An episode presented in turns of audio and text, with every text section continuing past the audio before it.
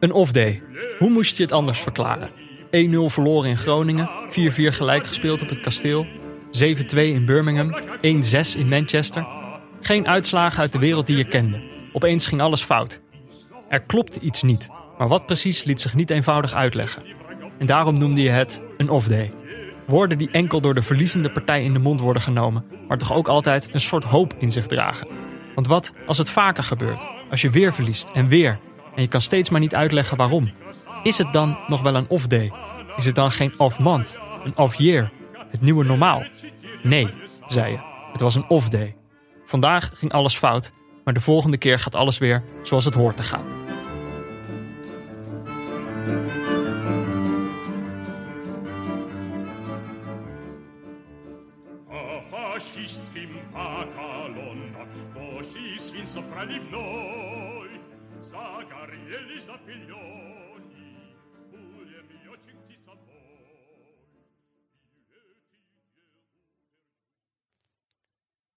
Ja, Jordi, Ja, Peter. hoorde je die stilte? Ja, Normaal zetten we daar een eh, wedstrijdfragment in. Maar dat is natuurlijk een beetje lastig als er geen wedstrijd is. nee. Dus daarom eh, een stukje stilte. Ook wel eens fijn, denk Ja, ik. ook wel eens fijn. In hè? deze drukke wereld. Bezinning, ja. ja, ja. Vol, eh, vol geluiden. Wat, voor een, wat voor week was het voor jou? Ehm, een hele fijne week. Lekker druk. Met werk. en Jezelf meteen eh, tegenspreken. Nou ja, het werd een beetje last minute besloten om toch eventjes weg te gaan. Met wat vrienden. Oh, En dat, eh, eh, we zijn op Texel geraakt. mhm. En met de boot. ja, Of met de boot. op een andere manier. Nou, nee, nee, nee. Het was eh, met, met de auto op de boot. Mhm. En dan op het prachtige Texel. Alleen ja, zit je tegenwoordig. En ja, ik hoef jou natuurlijk niet te vertellen dat eh, de familie Amali zich keurig aan alle eh, maatregelen houdt. Mhm. Dus het was echt al ons, eh, ons eerste langdurigere, langer durend uitje sinds tijden. Maar ja, wel stom dat corona. Ja, hè? toch wel. toch wel. Ja, maar dat is gewoon, weet je, je kan, ineens merk je dat. En dat wil je helemaal niet. Dat je, dat je moet eigenlijk van tevoren moet reserveren bij een, een, een, een tentje waar je dan smiddags even een kopje koffie met z'n allen wil Mhm. drinken. Omdat het niet per se heel lekker weer is. Ja.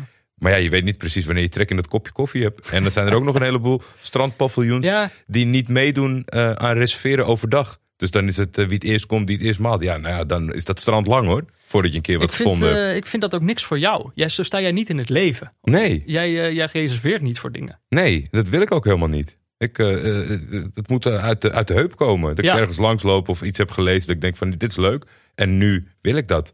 En dat was eh, bijzonder teleurstellend het hele weekend. Dus eh half jaar pandemie is jouw conclusie toch dat het niet zo leuk is. Het is niet zo leuk. Nee, het is in de praktijk echt heel stom hoor. Voor Hmm. sociale dingetjes. Ja. Voor de rest, eh Ecomare wel hartstikke leuk. Fik blijkt eh, een fervente eh, zeehonden Ah, dat vind ik goed om te horen. Ja, ja, ja, ja. Die is, eh, heb ik niet, heb ik zelden zo enthousiast gezien een als. klimaatactivist in de dop. ja, ja, ja, ja. Er was nog een luisteraar die ons zag lopen. Maar omdat ik vorige week dus aangaf dat de temperatuur inmiddels op dusdanig niveau is dat ik lange broeken draag. Uh-huh. En ik had een korte broek aan. Hey, En toen dacht hij van, jij bent tot de orde geroepen. dat is hem niet.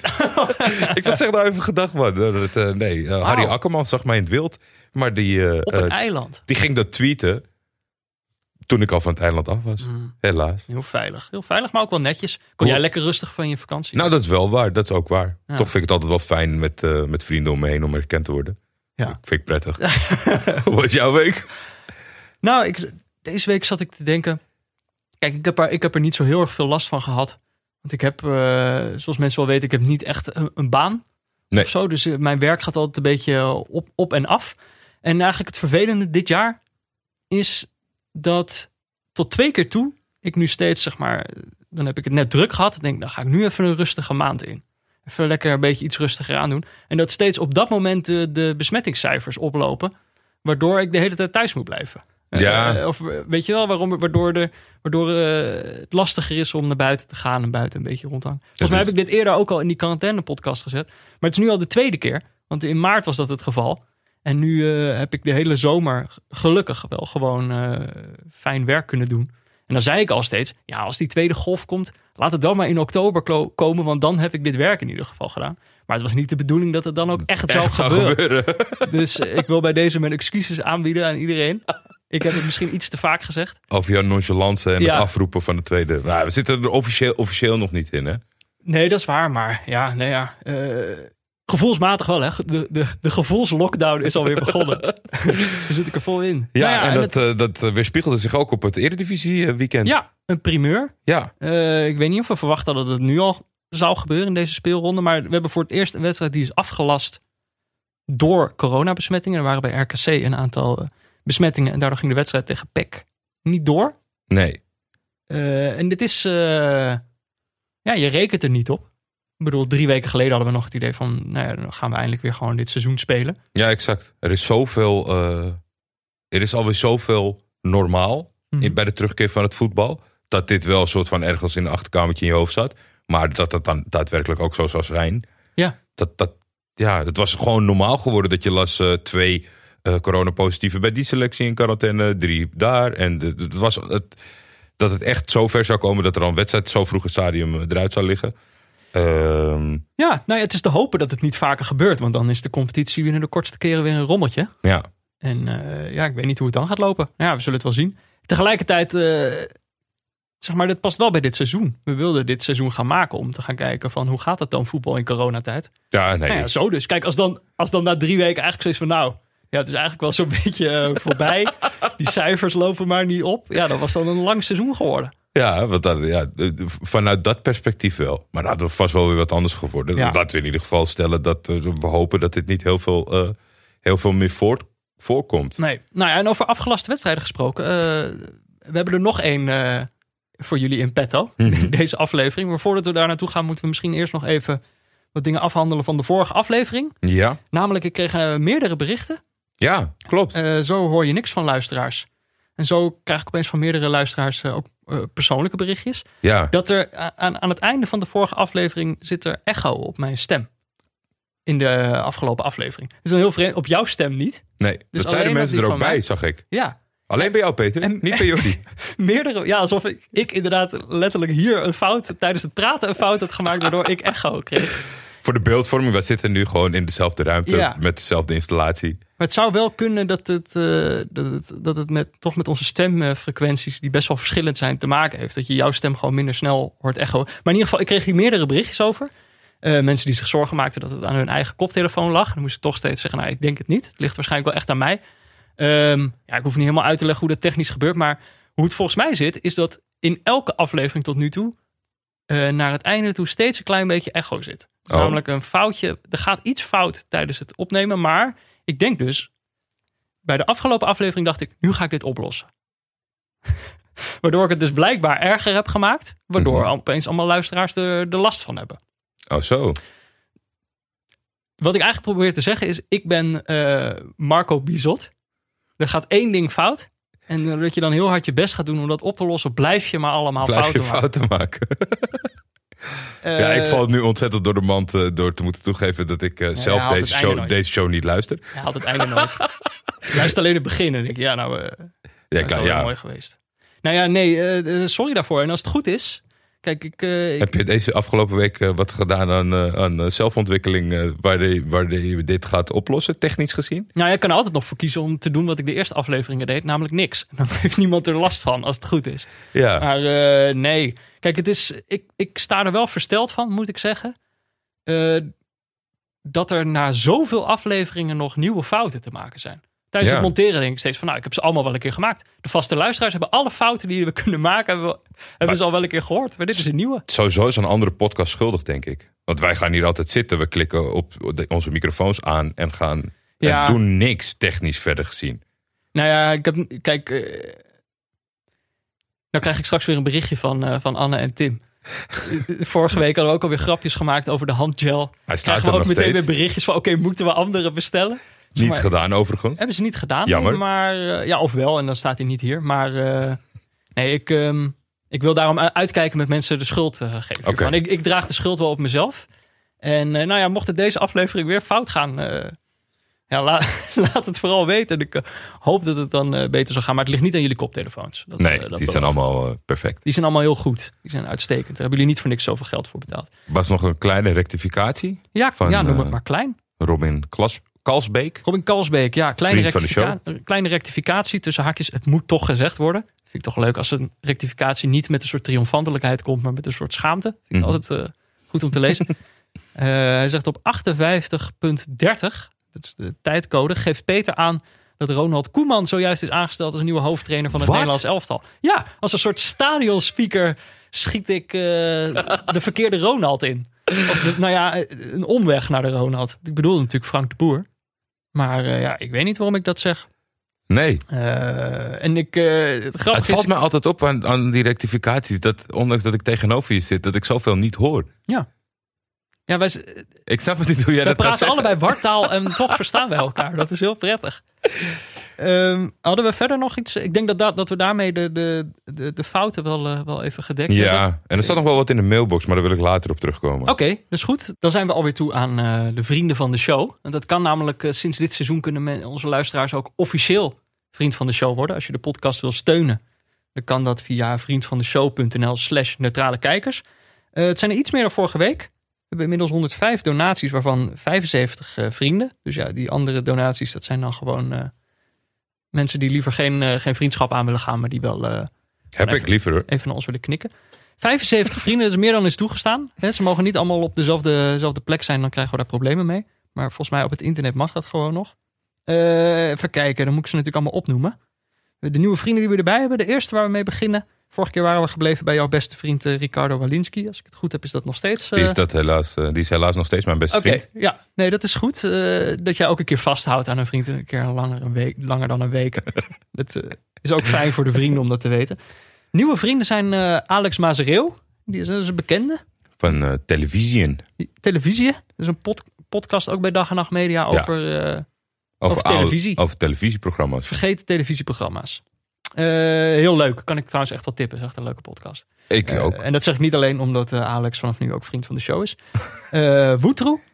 Woetroe, dat is Woetroe. denk ik Wouter Boerkamp. Oh. Ik vind dat altijd heel opmerkelijk. Die bijnaam bij hem, die past niet helemaal bij de leeftijd. Wouter Boerkamp is eh, zeer gerespecteerd. Hij is vriend van ons, Jordi. Jouw eerste reflex werkzaam in het voetbal. Ja, maar ik denk, weet je, je mag daar alles invullen. Hij had ook gewoon Wouter kunnen intypen. Ja, ja. Toch? Wouter, kom op man. Nou ja, maar misschien heeft hij Woetroe gedaan, zodat hij niet ontmaskerd zou worden als Wouter Boerkamp. dat zou kunnen natuurlijk, dan heb jij dat gedaan. En hij, hij is een vriend van ons, dus ik wil niet dat je meteen kwaad spreekt over, over nee, oké. nee, ik zal positiever in dit blokje gaan zitten. Ja. Eh, Jasper is ook een vriend Prima geworden. naam. De machtige kuif Arend van Kielan. Dat is natuurlijk eh, de, de bijnaam van Shakiri. Het is hem niet zelf, denk ik. Maar eh, in ieder geval wel fijn dat deze persoon een vriend is geworden. Sander Saitos, luisteraar volgens mij ook van het eerste uur. In ieder Absoluut. geval die naam eh, die, die klinkt mij zeer bekend in de oren. Bo MVV Maastricht. Hmm. Arend Bentum. Hmm. Veldman en Klaassen. Die hebben samen Oh. hebben ze een eh, donatie gedaan. Vind ik ook Dat vriendelijk. is iemand, eh, iemand die, Die jou wil pesten. Dat denk ik wel, ja. Die heeft de pik op jou. Dat denk ik. Ik weet niet wie het is. En daarom is hij vriend van onze show geworden. Omdat hij jou zo vervelend vindt. Ja, maar dan zeg maar, je kan het ook gewoon op een leuke manier doen. Dit hoeft niet per se. Maar ja, even goed eh, welkom als vriend. Amster Wout, Jeroen Wiene en Melvin. Nou, dat zijn de nieuwe vrienden van de show. Welkom jongens, fijn dat jullie onze vrienden zijn. Ehm, even kijken, we hadden, we hadden natuurlijk vorige week... We hadden we onze vrienden wel even streng toegesproken. Terecht, denk ik. Want er zit namelijk een functie op vriendvandeshow.nl. Eh er zijn meerdere functies hoor. Je kan bijvoorbeeld high-fiven. Heb je dat al een keer gezien? Per ongeluk onszelf gehighfived. Ja. je kan iedere aflevering, als je hem geluisterd hebt, kan je hem high-fiven. Het doet volgens mij niks, maar er loopt een telletje onder. Ja, is heel Ik leuk. heb nu ook even de afgelopen aflevering gehigh-fived. Dat kan je doen. Maar een andere functie is dat eh, mensen spraakberichten kunnen insturen. Dus ze kunnen gewoon, eh, ik denk op hun telefoon, kunnen ze gewoon tegen ons eh, Ja, praten. maar- Krijgen wij in onze inbox een eh geluidsbericht. Het probleem van de techniek is, omdat wij de makers zijn, kunnen wij niet zelf die functie uitoefenen. Wat ik ja, voor mijn kleine moeite om een, een testspraakberichtje Ja. in te typen. Maar we hebben nu een spraakbericht. Ja, tot vorige week werd het. er niet eh, tegen ons gepraat door onze luisteraars. Dus het werkt. Er Dat is nou- fijn. één iemand heeft nu wel tegen ons gepraat. Dat is namelijk Bastiaan. Eh, sterker nog, die heeft twee keer tegen ons gepraat. Twee voiceberichten. Ehm, maar één daarvan ga ik eh, later in de aflevering laten, laten horen. Eentje. Maar het werkt dus wel. Dus we hebben nu wel bevestiging dat al die andere vrienden van de show gewoon ons negeren.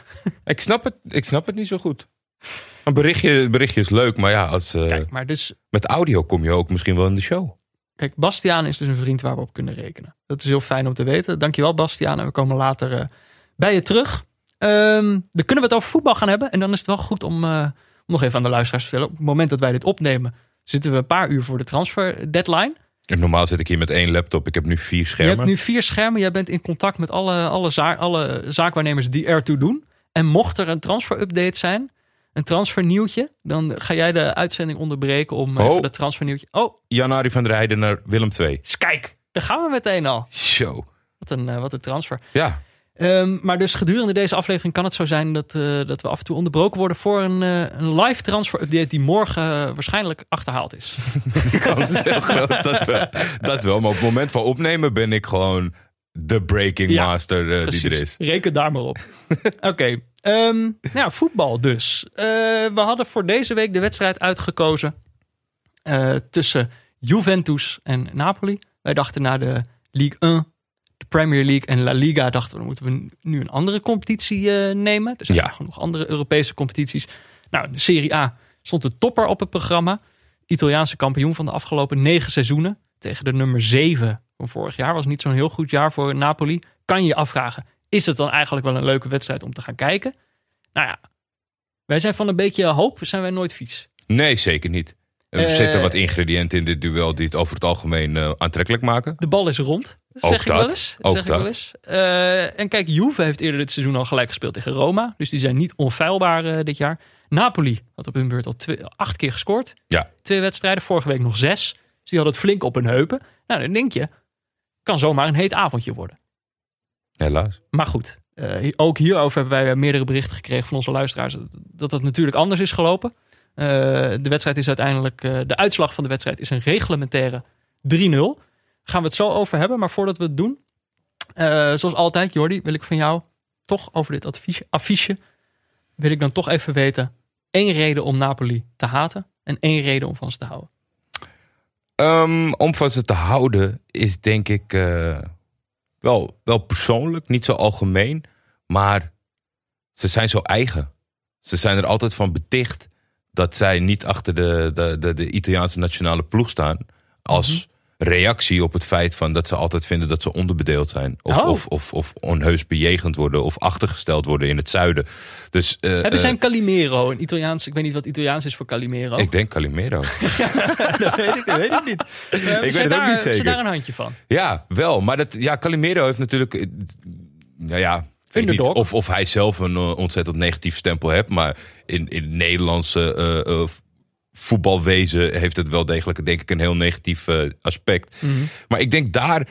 eh, een beetje kont in de krip, schoppen tegen de macht. Eh, het zit ook allemaal niet mee altijd. weet je, ze hebben gloriejaren gekend. En dan is volgens mij. ja, Maradona is daarvoor het boegbeeld geworden. Maar is dan ook weer op, op, op een soortgelijke manier weggejaagd uit Italië. nadat hij alles met ze had gewonnen. En en, en dat, dat nukkige, dat naar boven toe trappen, dat, dat staat mij enorm aan eh, Ja. in de club Ja. en in het volk. Zeker tegen Juventus. Ja, je ziet daar ook gewoon eh, eh, dat dat niet verandert. Dus zeg maar, we hebben het altijd over poenerig en geld, het grote geld en dat soort dingen. Maar zij houden wel, zij houden wel heel goed stand aan, aan wie ze zijn en wat ze zijn en hoe ze tegen anderen aankijken. Ja, we hebben natuurlijk ook wel eerder naar Napoli gekeken. Ik denk in seizoen 2. Ja. Moet, moet haast wel. Dat we toen, toen heb ik volgens mij ook gezegd van je kan best wel aanwijzen wat een, een Napoli-speler is. En dat vind ik altijd wel belangrijk. Dus dat je wel weet Ja. van zij staan wel ergens voor. Ook qua voetbal dus. Dus niet alleen. Het zijn inmiddels wel, denk ik, twee trainers gepasseerd. Ja, En dan, het, het, het grappige is dat het natuurlijk is ontstaan vanuit een, een spelopvatting eh, van een trainer daar ja, met Sari. ja.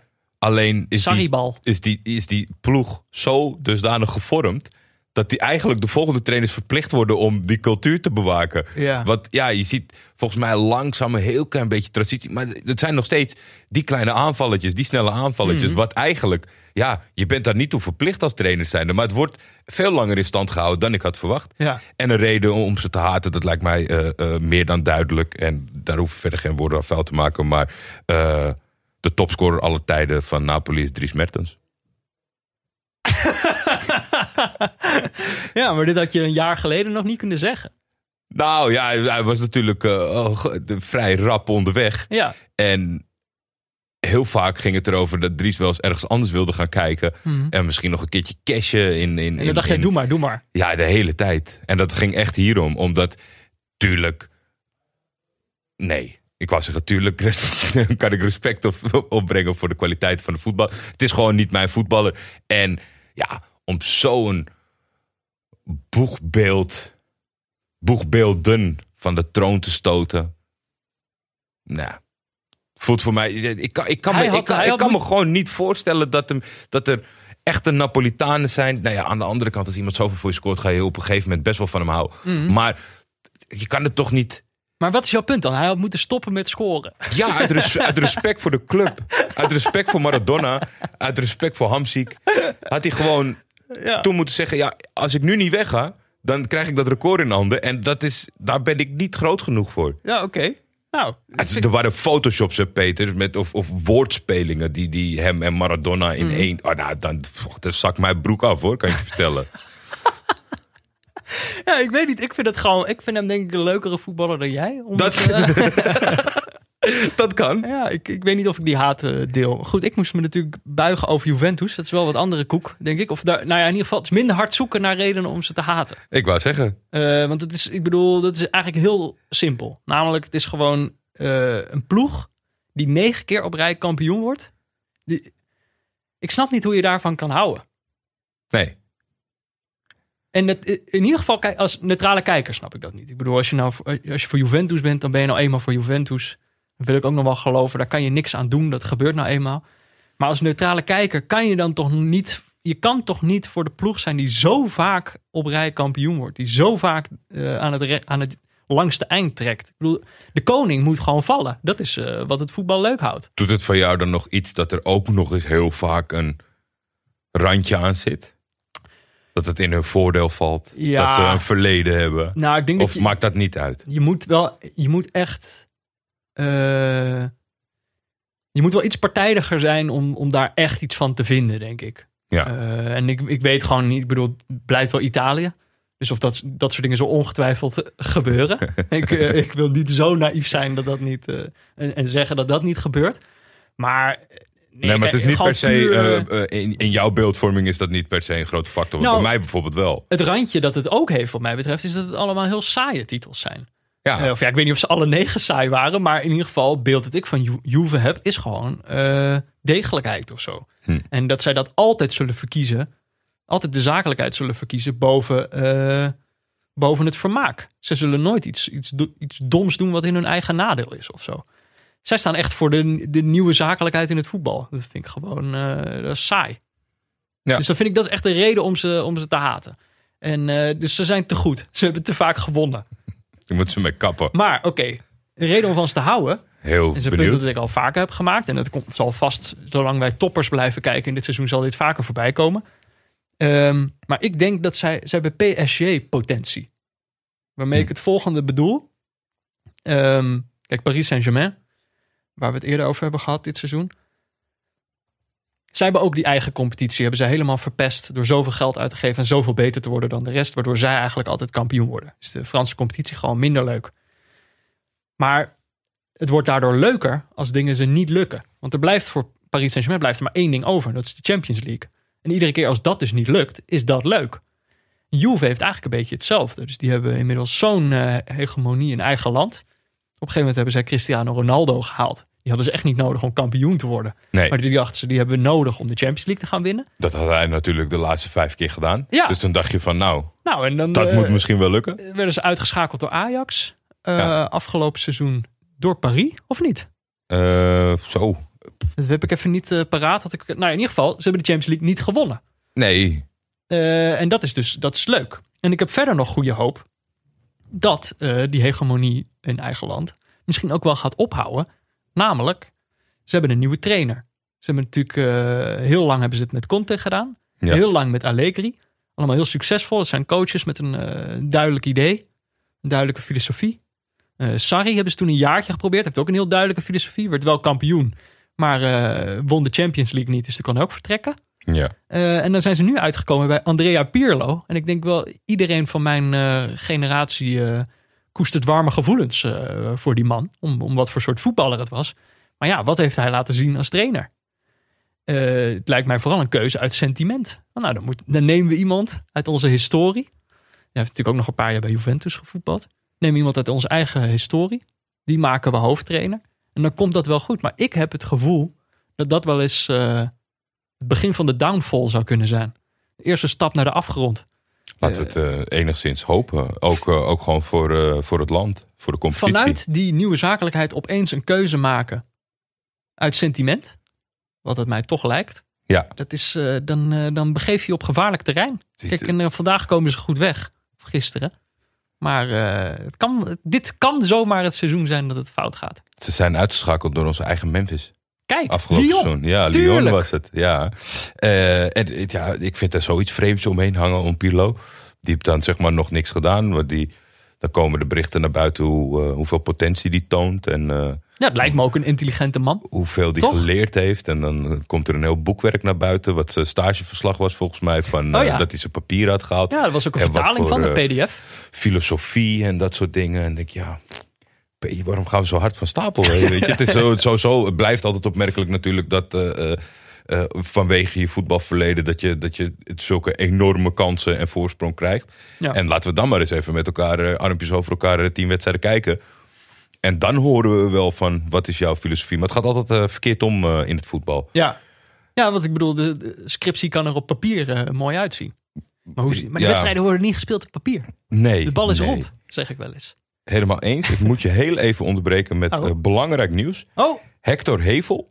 Die gaat van eh, Larnaca op Cyprus naar FC Andorra in Spanje, transfervrij. kijk, je hoorde het hier als eerst. Hele jeugd doorlopen van ADO Den Haag. Leuk dat Hector naar Spanje kan. Ja, gefeliciteerd Hector met je nieuwe club. Succes. Ehm, nou ja, nu we het toch over transfers hebben. voor de deadline hebben zowel Juve als Napoli zich nog geprobeerd te versterken. Juventus heeft dat gedaan met Arthur. Dat was natuurlijk die ruildeal de met eh, boekhouddeal. de boekhouddeal met, eh, met de Pjanic en Barcelona. Eh, Morata, Opmerkelijk vind ik. heel opmerkelijk. Ja, hoe die toch elke keer weer bij een topclub mag spelen. Nou, dat is leuk voor zo'n jongen. Hij heeft het toen volgens mij wel uitstekend gedaan bij Juve. En dan zie je die gretigheid van topclubs. Dat Real moest hem volgens mij toen definitief laten gaan. Mhm. En toen dachten ze van, dat hebben ze ook bij Mariano Diaz gedaan. Die bij Lyon heel goed speelde. En dan scoort zo'n gozer op een, nou ja, bij Juve. Ik weet niet of dat per se een niveau lager is. Maar in ieder geval een andere competitie. Ja, En dan denken ze, "Mm, nee, we laten hem toch niet gaan. ja. En dan zit hij een jaar op de bank en dan eh, moeten ze er toch weer toch vanaf. Ja, Ja. dus eh, ja, ik, ik, ik weet niet wat men ziet. Ik vind dat Morata op meer plekken gefaald is dan succesvol is geweest. Nou ja, Alleen ze- bij Juventus dan ja. toevallig misschien wel. Maar ja, ze waren natuurlijk ook Higuain kwijt. Dus eh, ze hadden nog wel een spits eh, Daar nodig. wilden ze graag vanaf. Hè? Ja. Verder hadden ze nog Weston McKennie. Leuk. Een, Leuke transfer. Amerikaan van Schalke, geloof ik. Ja. En eh, Rolando Mandragora, die ik niet ken, maar wel een fantastische naam heeft. Prachtige naam. Eh, en, en ze hebben volgens mij vlak voor deze uitzending nog Federico Chiesa Dat zou wel moeten rondkomen van vandaag. eh, Fiorentina. Ja. Is in, voor de voetbalmanager-spelers een, een bekende naam. En voor de bejaarden een hele bekende naam. Omdat zijn vader een voetballer was geweest. Ja. Ik heb al, denk ik, twaalf commentatoren horen vertellen dat als hij inval. En als u nou goed kijkt, dan herkent u wat. Het is inderdaad de zoon van Enrico Chiesa. Weet je, de, de, de- zoals de wielrenners eh, de oud-schansspringer hebben, zo hebben wij de zoon van, eh, van de Chiesa. zonen van. Eh, even kijken, maar ja, ze zijn dus inderdaad wel Pjanic, Higuain. Maar ook Emre Can Ja. kwijt. Dat is Juve. Zo hebben die zich versterkt. Napoli raakte vooral wat spelers kwijt, eigenlijk. Alan is natuurlijk naar Everton, de middenvelder. Verdi is naar Torino. Inglese is naar Parma. Marco Rog is naar Cagliari. En eh, Vlad Chiricis, prachtige Hm. naam, is naar Sassuolo. En nou hebben ze wel teruggehaald Osimhen. Toen was het geld op eh, van eh, Lyon. binnengehaald bij Ja. al die andere namen die jij opnoemde. Toen was al het geld weer op. En Candelone, een naam die ik niet ken, maar die, die kwam van Tor- Torino. Dat zijn de enige twee aankopen die hebben Linksom of rechtsom moeten we een keer Lille gaan kijken, jongen. Die hebben een, een. Boerak heeft het transferbeleid. eerst gescoord, toch? Ja, en ik voorspel het, hè. Als die Ja. ene erin gaat, maakt niet uit hoe. Deze week weer gescoord. Ja, nou, Ja. Dus daar gaan we al. Ja, daar is Osimhen natuurlijk eh, vertrokken. Ja, Maar die hebben zich wel weer op andere manier versterkt. Lille gaan we nog een keer kijken. is goed, zeker waar. Maar nu zouden we dus deze wedstrijd gaan kijken. ja. Het is allemaal eh, leuk en aardig. We hebben er nu ook over gepraat. Weet je wel, dit is eh, hoe we naar die wedstrijd toe wilden leven. Dit was hoe we ervoor gingen zitten. Toen zagen we gewoon nog een, eh, een opstelling van Juventus voorbij komen. Ja, zag er goed uit. Geen de licht natuurlijk, want die is nog herstellende. Ja. Maar verder wel allemaal bekende namen. Ja, Chesney, Danilo, Bonucci, Chiellini, Kulusevski, nieuwkomer. Veel meteen indruk gemaakt. Betancourt, Aaron Ramsey, Arthur, Quadrado en voorin Dybala en Ronaldo. Ja, Maar er kwam geen opstelling van mijn Napoli. nee, die, eh, die, die bleef nog uit. Eh, daar moesten we nog even op wachten. Nou ja, goed, dan hebben we natuurlijk elke wedstrijd nog de corona-checklist. Van hoe, hoe zit het in dit land precies? Nou, ze hebben geen supporters op de tribune daar. Ehm, Wel heel veel, dat is dan misschien weer net even ander. Heel veel mensen. Het is misschien dat het geen supporters zijn. Ja. Maar er waren, ik, ik, ik, ik heb dus serieus 45 minuten eh Ja. Mhm. naar leeg sta, eh, naar zitten kijken. En er zaten echt meer dan, dan normaal zeg maar, bij een eredivisie wel opvalt. Dat daar zitten de wissels, daar zit de technische staf. ja. Heel veel eh, bestuurachtige mensen volgens mij. ja, misschien is dat ook wel echt Italiaans. Dat er meer, om zo'n club, eh, meer mensen om zo'n club heen hangen. Ja, Het zou kunnen. Maar goed, eh, eigenlijk geen supporters. Wel een heleboel mensen dus. ja. Maar ook ehm, geen wedstrijd. Nee, Want eh, Napoli kwam niet. nee. die- Napoli was er niet. Die, die, eh, Waar is eh, Napoli? Was de, zag je iedereen kijken. Ja, en dat was, weet je, ik vind dat dan toch anders. Vroeg op de dag zijpelden de berichten naar buiten. Napoli gaat niet afreizen. Ja, Ik denk, ja, wow. Toen we kwam, zien wel. ja, we zien wel, weet je. Dat is ook een beetje dat je zo'n hele dag moet je bezig zijn. Hè? Je, je, maar als, Ja. als, als media heb je nog uren te gaan. Dus dan kan je af en toe wel wat reuring gebruiken. Ja, dan lees je dus inderdaad eerst van nou, Napoli gaat niet. Maar dan naar die wedstrijd toe Ja, zie je wel eh Juve plaatst op, eh, op de social media kanalen plaatst een filmpje van hier is de, de spelersbus komt aan bij het stadion. En dan reageert iedereen al van jullie weten toch dat Napoli niet komt? Die komen niet hè? Ja. Napoli komt niet. Juventus was stoïcijns. Ja. Die was alleen maar gefixeerd op, eh, op de matchday. Ja. En die heeft alles eh naar zich eh, laten gaan. Ja. Nou ja, dus uiteindelijk uh, Napoli komt een hele helft niet. Ja. En dan uh, is het reglementair 3-0 voor, uh, voor Juve. Dus we hebben, we hebben een geweldige wedstrijd gezien. Drie goals. Ik bedoel, uh, jammer dat Juve wint, maar we hebben er wel drie gezien. Maar dan moeten we toch even reconstrueren natuurlijk van hoe is dit gegaan. Hoe, hoe is dit tot stand gekomen? Ja, waar, waar, waar was Napoli? Nou, dan hebben we gelukkig uh, iemand als, als Willem Haak. Ja. Voor de, sommige luisteraars wel, wel bekend. Iemand, nou ja, kan je me Serie A Watcher noemen? Eigenlijk wel, hè? Jawel, jawel. Ja, zeker. Hij watcht hij, het Ja, hij geval. watchte, maar dat, ik zit te denken van Nou. hij is ook supporter van Inter, maar dat, dat is wel vaker. Ja. Gewoon een.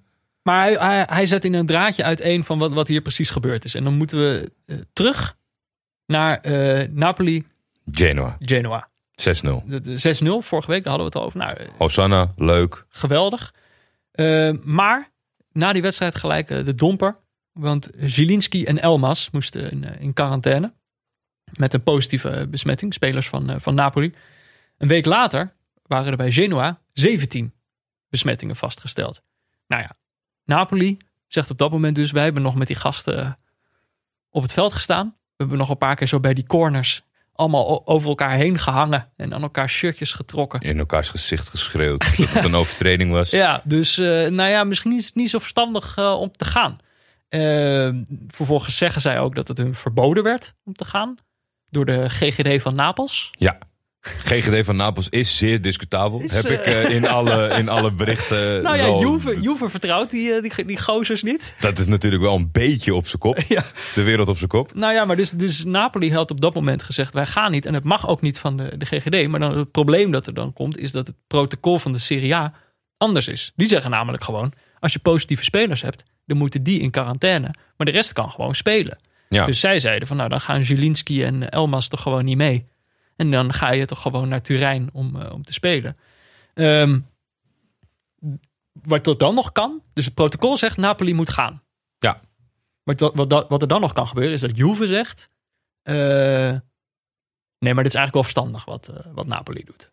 Laten we de wedstrijd gewoon uitstellen. Dat kan nog. Dat, dat is het enige waar Napoli dan op kan hopen. Maar Als er een luisteraar nu luistert die denkt van nou, dat had ik wel verwacht dat Juve dat zou doen. Daar vind ik Juve wel een club voor. dan denk ik dat je misschien eh, je moet fo- focussen op tennis voortaan. Want Ja, nou ja, ik weet het niet. Het is natuurlijk wel eh, waar, waar, het echt, eh, waar dit echt saillant wordt. Want Nou ja, je kijk- kan zeker, je kan toch denken van. Rutte zegt het steeds. Alleen samen krijgen we corona onder controle. Ik weet niet hoe je dat in het Italiaans zegt, maar daar zullen ze vast vergelijkbare uitspraken hebben gezegd. Je moet dat leuk samen voor een doen. audiobericht spreek je Italiaans. Vertel hoe je zegt, samen Ja. moeten we het doen in het Italiaans. Maar je zou zeggen van er is iets wat deze competitie overstijgt. Eh, corona heeft in Italië natuurlijk ook flink eh, toegeslagen. Daar zit een hoop eh, trauma. Je kan op dat moment denken: oké, er is iets belangrijkers dan dit. We moeten nu als, als, re- als recordkampioen, of in ieder geval als kampioen van de afgelopen negen jaar, moeten we, moeten we even laten zien hoe we dit het beste kunnen aanpakken. En gewoon zeggen: oké, Napoli, we gaan dit samen oplossen. We spelen een andere keer. Jij hebt gelijk. Alleen, dat gaan ze nooit doen. En dat zit ook wel een klein beetje verpakt in jouw verhaal van de omschrijving van deze club. Want het stopt hier. Het protocol schrijft voor hoe het werkt. Mhm. Dus Juventus weet op dat moment, wij gaan daar naartoe. Wij doen alsof we gek zijn. Wij gaan op dat veld staan. Wij gaan een warming-up doen. En, oh, Napoli is er niet? Wat gek. Wat gek. Waarom komen die gasten niet? Ja, maar dit was inderdaad eigenlijk... Kijk, die situatie, dat je, dat je denkt van nu ligt de bal bij, je bij Juve. In die situatie komen dus die tweets online. Van de spelersbus, van die gasten die trekken gewoon hun shirts aan. Ja, Eh, hashtag matchday. Even een opstelling online gezet. Maar ik bedoel, alle reacties waren op dat moment al. Ik bedoel, zij speelden echt een toneelstukje om te laten zien van... oh, maar volgens protocol komen ze toch gewoon? ja. En wa- waarschijnlijk moest, als Juve dit niet gedaan had, hadden ze waarschijnlijk die 3-0 ook niet gekregen of zo. Toch? Dus zij hebben, zij hebben zich helemaal aan dat protocol gehouden met dit toneelstuk om die drie punten te kunnen krijgen. Ja. Ehm, ja. Ik, Kan je nog, ook- kijk, ik, ik, ik, ik ben wel zo dat als we het zo eh, aan het benoemen zijn, je kan het natuurlijk ook omdraaien. Alleen daar gaat natuurlijk de, de, de factor eh, reputatie weegt daarin mee. Eh, Napoli, het, het klinkt als een mooi verhaal. Het klinkt ook, eh, uiteindelijk als je heel cynisch bent, kan je ook zeggen, ja, ze missen een paar spelers. Hebben ze geen zin om nu tegen Juventus te spelen. Dus we komen niet, ondanks het geschreven protocol. Je kan het Ja. ook omdraaien. Ja, ja, ja. Nou ja, en het is wat dat betreft.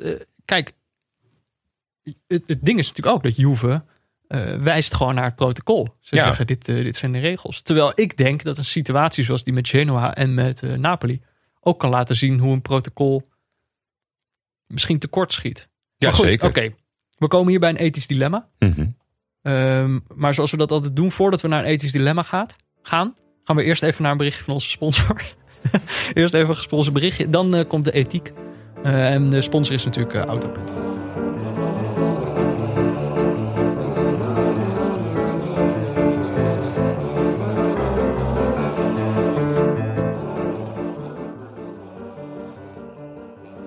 Ja, ook deze aflevering van Neutrale Kijkers wordt natuurlijk weer mede mogelijk gemaakt door Auto.nl. En eh, als je naar de website gaat, eh, www.auto.nl, dan zie je dat ze daar garanderen nooit meer een miskoop. Nou ja, eh, Prettige gedachte. prettige gedachte op deadline day. Absoluut. want- we zitten een paar uur voor, voor het einde. De clubs zijn nu nog keihard aan het werken om miskopen te doen. Ja, dat, dat wordt weer een, een lange lijst aan miskopen. Terwijl je gewoon bij auto.nl dat niet hebt. Nee, precies. Nou ja, daarover gesproken. Kijk, bij Auto.nl kun je online een auto bestellen. Ja, Het is het, eh, het, het auto kopen van de toekomst.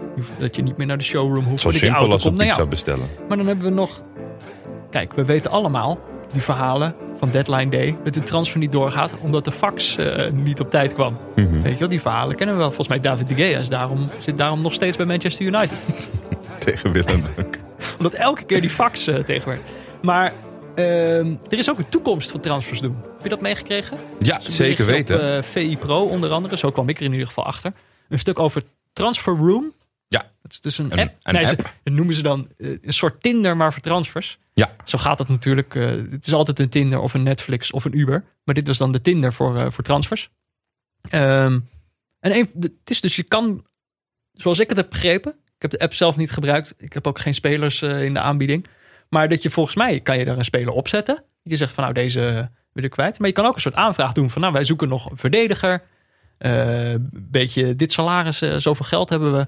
Eh, kom maar op. En dat er dan op gereageerd, dan kan iemand anders erop reageren en zeggen, nou, wij hebben nog wel een, een verdediger. Het schijnt dus dat Spajic, ja van. Feyenoord. dat die via Transfer Room is gecontracteerd. En daarna hebben ze nog even Tony Verlena gebeld, want daar is het teamgenoot van. Om Oh, ja. even, te, even wat, eh, wat meer eh, over hem eh, te weten te komen. Maar dat klopt inderdaad en eh Dick Advocaat gaf dat toe. Maar Als je nu of, kijkt, er zijn 2047 spelers beschikbaar in de app. Zo, Jezus. Ja, Dat is een hoop.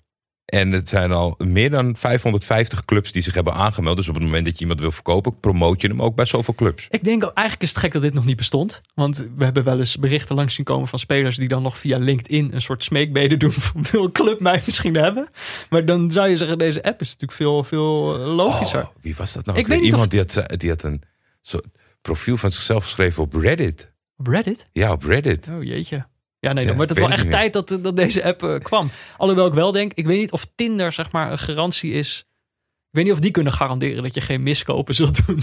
Nou, ja, nee. Ja, nee, dat, nee, die kunnen die garantie in ieder geval niet geven. Nee. Maar Nee. goed, dan moeten we even kijken. Er zijn natuurlijk best wel wat transfers eh, geweest de afgelopen tijd. Mhm. Eh, een van de transfers waar in ieder geval in, in mijn Twitter-tijdlijn heel veel over ging, was die van eh Sean Kleiber. Ja. Eh, heeft natuurlijk een transfer gemaakt van FC Utrecht eh, naar Ajax. Nou, daar waren de meningen over verdeeld. Laten we het zo zeggen.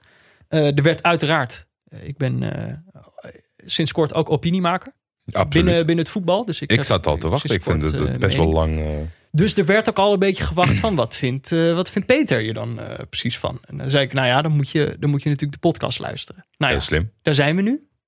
We zijn nu, in, we zijn nu in de podcast. Sean Kleiber, ik denk dat we, voordat ik daar mijn mening over ga geven, of eigenlijk, nou ja, het gaat over het volgende. Ik denk dat wij ons ergens over moeten uitspreken. Oh, Dat hebben wij eerder gedaan in deze podcast. Er is na- zijn namelijk wat misverstanden over hoe je zijn naam moet uitspreken. Ik zou zeggen, Sean Kleiber. ik ook. Goed, dan zit je naar de talkshow, van, Oh. zit je naar de, talkshow van VI te kijken. Ja, Eh, waar eh, Pieter Zwart eh, is aangeschoven om onder andere over deze transfer te praten. stellig. Die heeft het opeens over Kleiber. Kleiber. Eh, een hele talkshow lang. Ja. Kleiber, denk je, nou ja, oké. Zo, het zal wel kloppen dan. Ehm, vervolgens lees ik op de tijdlijn van eh, de Blanke Bogarde. Ook nou ja, niet betalend vriend van de show. Ehm, dat Erik ten Hag s'avonds in de talkshow is aan- aan- aangeschoven. En het daar steeds heeft over Sjaan. Sjaan. Sean Kleiber. Dus we hebben Sean Kleiber, Sean Kleiber en Sean Kleiber. Nou, we hebben ons eerder uitgesproken, waren er misverstanden over hoe je Ziyech moest uitspreken. Ja. Hebben wij gezegd, het is Ziyech. Dus ik denk dat wij weer een oordeel moeten vellen. Ehm, en wat denk jij? Ik denk dat het Sean Kleiber moet zijn. Vanaf nu. Ik, vanuit persoonlijk oogpunt, omdat ik het ook moeilijk vind om te herhalen, zou ik willen gaan voor Sean Kleiber.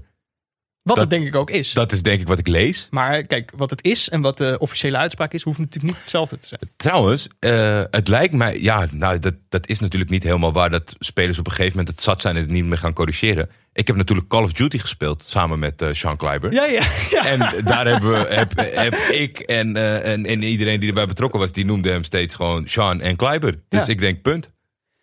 Het, het- ik mag toch, kijk, ik leer hem net kennen. Als je honderd keer wordt geïnterviewd door iemand en je hebt dan misschien een keer gezegd, het is Kleiber. Dus we gaan niet Sean Kleiber doen. Ik, ik, Oké, we doen Sean Kleiber. dankjewel. Vanaf nu. Wij hebben al- wij hebben gewoon puur voor mij. Oké, maar dan moeten we ons... eh, wel, want we hadden het eigenlijk over transfers. Heel leuk dat we het even over Call of Duty hebben gehad. Maar eh, we hadden het eigenlijk over transfers. Want jij zette hier nog een andere transfer bij. Karim Rekiek. Ja, nou, die zou niet eh, in autovariant op de website staan van auto.nl. Nee? Denk ik. Nee, ja. Ik, ik, ik viel Als. Karim Rekiek een auto was, zou je die niet kunnen kopen. Bij auto.nl. Die komt niet door de commissie heen, waardoor, garanderen- waardoor zij kunnen garanderen dat er geen miskopen Oh, maar eh, dat is toch een prachtige transfer? Van Hertha naar Sevilla. Nee, dat, dat, oh ja, zeker. Het is een prachtige transfer. Voor hem. Maar mensen kopen ook prachtige auto's. Die blijken helemaal niet lekker te kunnen rijden. Ja, dat, eh, ja ik, ik, ik viel echt van mijn stoel gisteren. En dan, Hé, maar zo slecht is hij nou toch ook weer niet? Denk je dat ze bij Sevilla echt helemaal gek geworden zijn? ik, eh, ik, weet niet, eh, ik weet niet wat het doel is. Kijk, er zit natuurlijk iemand die te pas eh, en te onpas bejubeld wordt in Monchi. Maar Monchi Mhm. Maakt, ja. maakt ook, nog wel eh, ook nog wel foutje. Misschien is het een breedte aankoop. Misschien is het dat je zegt van... We Nou, hebben zo- een linksbenige verdediger Zoveel nodig. ervaring, keer een, een, een, een, een medium salaris, want we hebben niet zoveel ruimte meer en hij is tevreden. Ik vind het ja, in ieder geval super knap en super leuk voor hem. Maar ik verwacht niet dat we jubelverhalen vanuit eh, de serie of eh, de La Liga Watchers krijgen. Met betrekking tot Karim Rekiek's bijdrage aan het voetbalelftal Nou ja. Sevilla. Mocht je ehm, niet Karim Rekiek willen kopen, wil je in ieder geval zo'n situatie voorkomen. Dat allemaal mensen zitten te discussiëren of het een miskoop is of niet. eh, dan moet je natuurlijk bij auto.nl zijn. Zeker. En als je dan toch naar die website gaat, ga dan even naar auto.nl slash neutrale kijkers. Want dan weten ze dat je via ons komt. En dat is voor ons dan weer heel En fijn. dan kunnen wij voorkomen dat we zelf een Karim Rikiek moeten kopen. Goed, zijn we nu bij het ethisch dilemma aangekomen, Jordi. Want dat is waar we volgens mij net al terecht kwamen. Ik denk dat deze situatie met eh Juve en Napoli eh, laat zien ja. dat, eh, kijk, op het moment dat ze zo'n protocol opstellen, rekenen ze er niet op dat dit gaat gebeuren. Dat een club door de, de lokale GGD wordt afgeraden om te gaan. En dat die club dan met het dilemma zit van moeten we gaan? Moeten we ons aan het protocol houden of moeten we ons aan de GGD houden? Eh, die situatie hadden ze niet bedacht. Zij denken gewoon, protocol is heilig en zo kunnen we die competitie uitspelen. Ik Ja. denk dat het in ieder geval laat zien, protocol is niet, eh, is niet sluitend. Nee. Dus Nee, eh, dit soort is- situaties kunnen nog vaker voorkomen, ook in Nederland bijvoorbeeld. En ergens, ergens moet je dat toch ook wel verwachten. En, en die, ik, ik, ik denk ook wel dat het niet. Ik verwacht wel dat ze daar ook aanpassingen in gaan maken. Dat misschien iets vloeibaar maken. Of misschien eh, eh, nu even heroverwegen. Want de, situatie is natuurlijk wel zo. Zeker met, met gewoon de feiten wat er is gebeurd met Genoa. Daar moet je wel gewoon actie op ondernemen. Want dat, dat is natuurlijk best wel een groot gevolg van dat Mhm. duel. Ja. 17 spelers, ja. Dat is natuurlijk ook van waar, waar ligt de grens, zeg maar. En dat is natuurlijk bij Nederland is dat ook zo gebleken met RKC PEC. Bij een x aantal moet je, want je kan niet zeggen, eh, speel maar met de B1. Ja, dit is toch in Rusland een keer gebeurd? Of was dat niet, eh, ik weet niet of dat Ja, met die hele jonge ploeg. Ja, die, maar dat, dat was, die werden was toen met 10-1 afgemaakt of zo. ja, met, met dit jochie op doel. Dat was echt, maar ik weet niet meer dat dat niks. Was dat corona?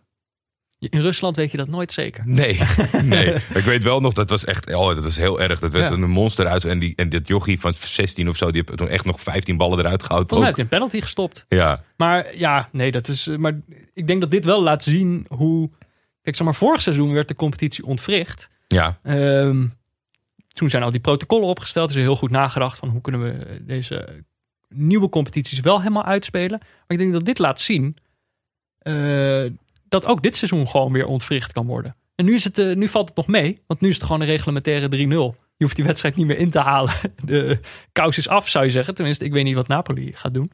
Ik verwacht nog misschien een kleine mogelijkheid als ze iets vinden om eh, een kleine procedure, procedure te starten. Maar ja, dan krijg je dat weer, weet je wel. Dus dan zit je weer in een situatie waarin ploegen aan het procederen zijn. Want eigenlijk moeten zij volgens het protocol ook nog een punt in mindering krijgen. Ja, ik bedoel, het kan, een heel, opdagen. ra- het kan een heel rare eindstand eh, worden op een gegeven moment. Als, eh, Wie, wie ben jij?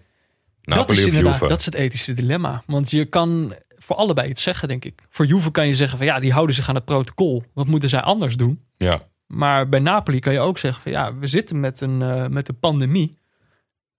Mijn standpunt in de pandemie is steeds van laten we gewoon iets voorzichtiger zijn dan nodig.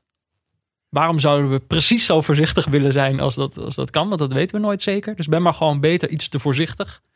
Eh, dan kan je altijd later nog zeggen van oh ja, had toen niet gehoeven. nee. Maar dat is beter dan andersom, denk ik. Dus je bent Napoli. Ik ben, deze. denk ik, ik ben denk ik Napoli. In de veronderstelling Dat? dat, zij integer hebben gehandeld. En dat de GGD eh, hen daadwerkelijk heeft afgeraden. Ik bedoel, dat, dat heb ik allemaal niet gefactcheckt. De Napolitaanse fans hebben wel humor. Ze hadden buiten het stadion hadden ze een spandoek eh, opgehangen. Heb je dat gezien? Nee? Het verschrikkelijke virus heet Juventus. Tu- Turijn moet worden gedesinfecteerd. Er hing nog een spandoek, maar die ga ik niet eh, eh, oplezen.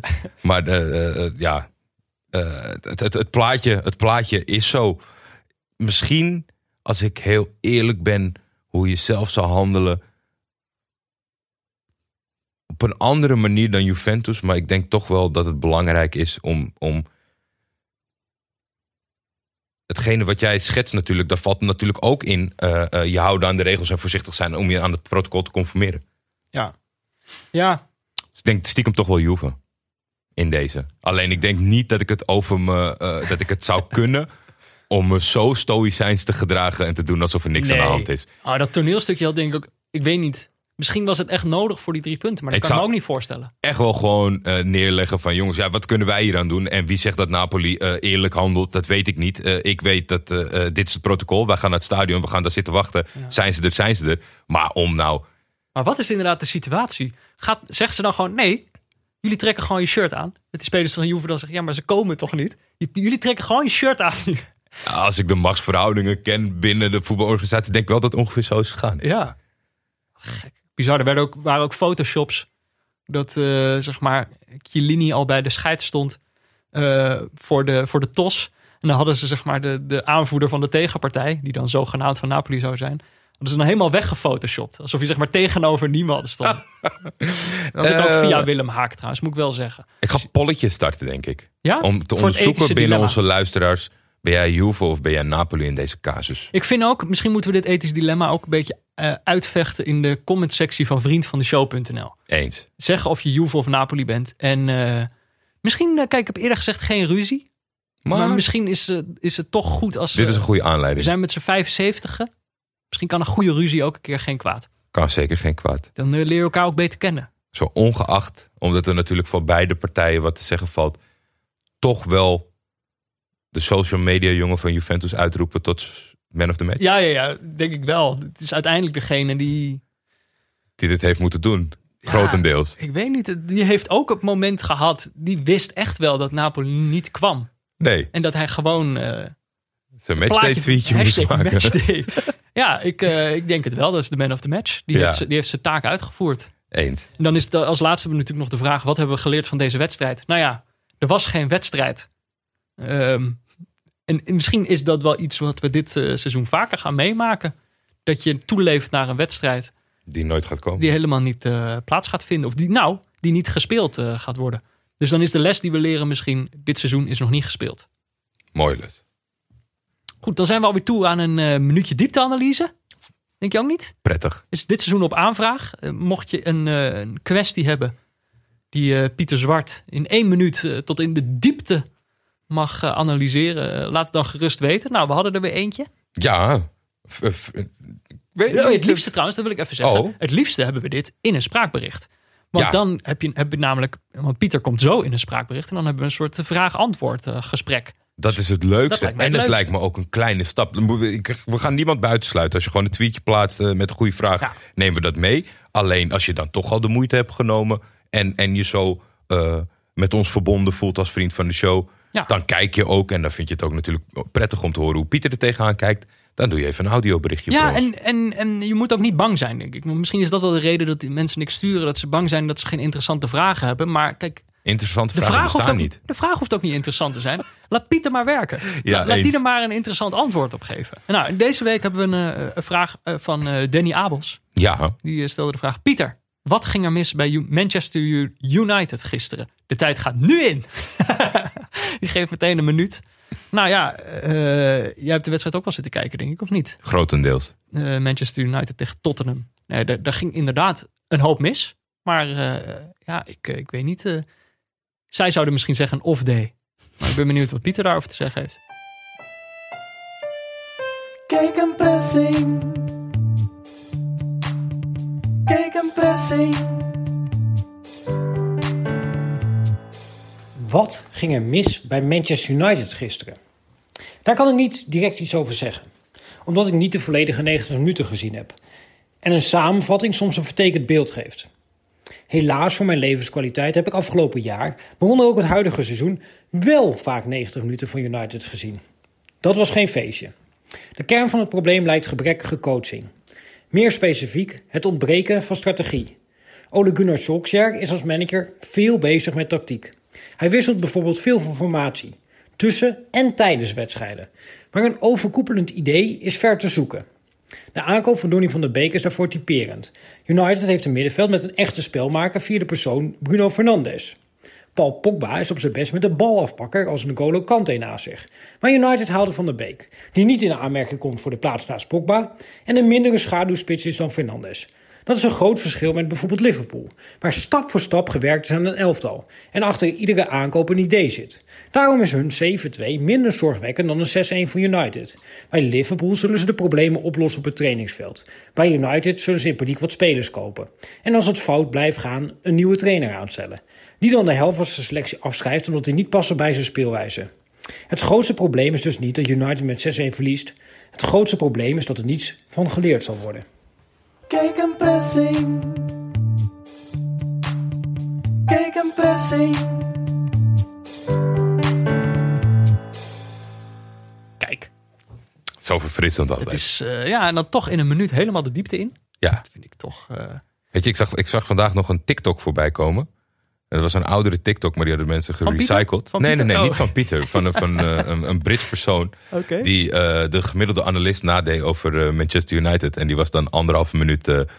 This is, is Manchester United. Biggest club in, eh in Engeland. ja. Voetbal. This, ja, dit is, dit, is, Manchester United. Dat is wel het gekke, hè? Dat die club, zeg maar, die, die, die TikTok slaat wat mij betreft wel de spijker op de kop. Ja, zeker. Dat het een, eh, er wordt maar, zeg maar, die club is alleen nog maar groot in het, eh, in het gesprek. Op het veld eh, zelden. Zelden. Breaking news. Oh. Breaking news. Het lijkt wel alsof, alsof alleen Nederland nog geld heeft. Of, of in ieder geval Nederlandse spelers in, de, in de markt zijn. Misschien hebben ze allemaal die app gedownload. Ik denk dat je hem niet- niet zag aankomen. Justin Kluivert van AS Roma naar Razenbal Leipzig. Zo. Huurvergoeding 1 miljoen euro. En die had ik inderdaad, ik, volgens mij zag ik gisteren wel een gerucht voorbij komen. Ja, Maar oh, ik had toch, helemaal... eh, eh, dit is toch voor Justin, is dit perfect? Toch? Ja, en toch vind ik het ergens wel opmerkelijk. Omdat Under natuurlijk... Ja, misschien, gaan, misschien gaat, eh, is, is Roma het zat met vleugelspelers spelen. Ja. Under is al weg. Die is naar Leicester gegaan. Ja. Dacht iedereen van, oh, dat is meer speelruimte voor Kluivert. Die op, volgens mij... Maar ik denk, voor Kluivert is dit, eh, is dit perfect, toch? Er wordt op hoog niveau getraind. Ja, Eh, ik zie het ook wel voor. Ik zie hem ook wel voor. me denk wel weer een latje team. hoger voor hem om het eh, waar te maken. Denk ik ook wel. Ja. Meer rennen, maar ja, dat, dat doet hij meestal wel. Interessant. Ja, we zullen het zien. Ik ben toch, als het over de Kluiverbroertjes gaat, ik ben toch altijd nog wel kamp Shane. Ja. Eh, hij had eh, nu weer een post op Instagram. Jan de Bouvry was natuurlijk overleden. Je dat hebt meegekregen. Ja, dat heb ik wel meegekregen, maar ik volg je.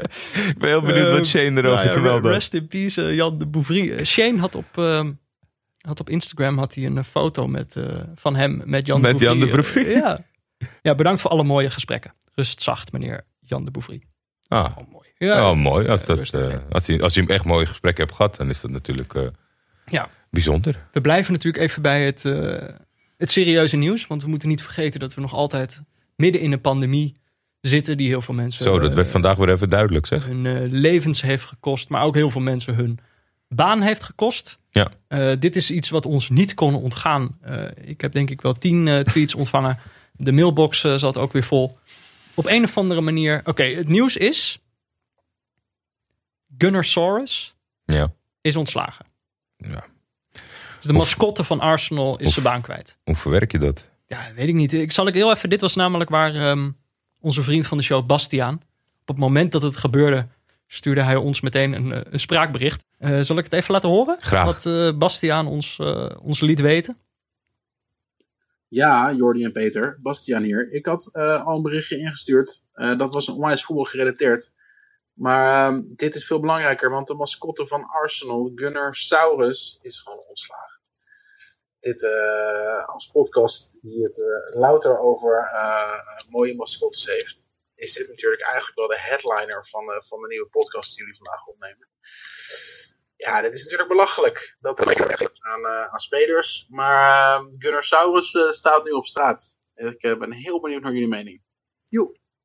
Ging nog wel iets mis in dat eh, spraakberichtje? Ja. Hoorde je dat ook? Maar Ik dat, is, zit in de site. Dat was ik niet. Nee. Ik, weet dat, ik weet dat, ik, dat alle verdenkingen nu op mij rusten. Nee, ik keek naar je handjes. Dit was de- ik keek naar je ik- ik handjes. Ik, zat je weer aan de knoppen. Nee, ik deed niks. Maar eh, nou ja, Bastiaan wilde dit ook meteen met ons delen. En dan merk je toch, kijk, heel veel eh, mensen in het voetbal durven hun handen niet te branden aan het uh, mascottewereldje. Nee. Eh, en, en wij durven dat steeds toch weer wel. En dan weten mensen die wel te vinden als er iets gebeurt in de mascottewereld. Ja, dit was natuurlijk wel een...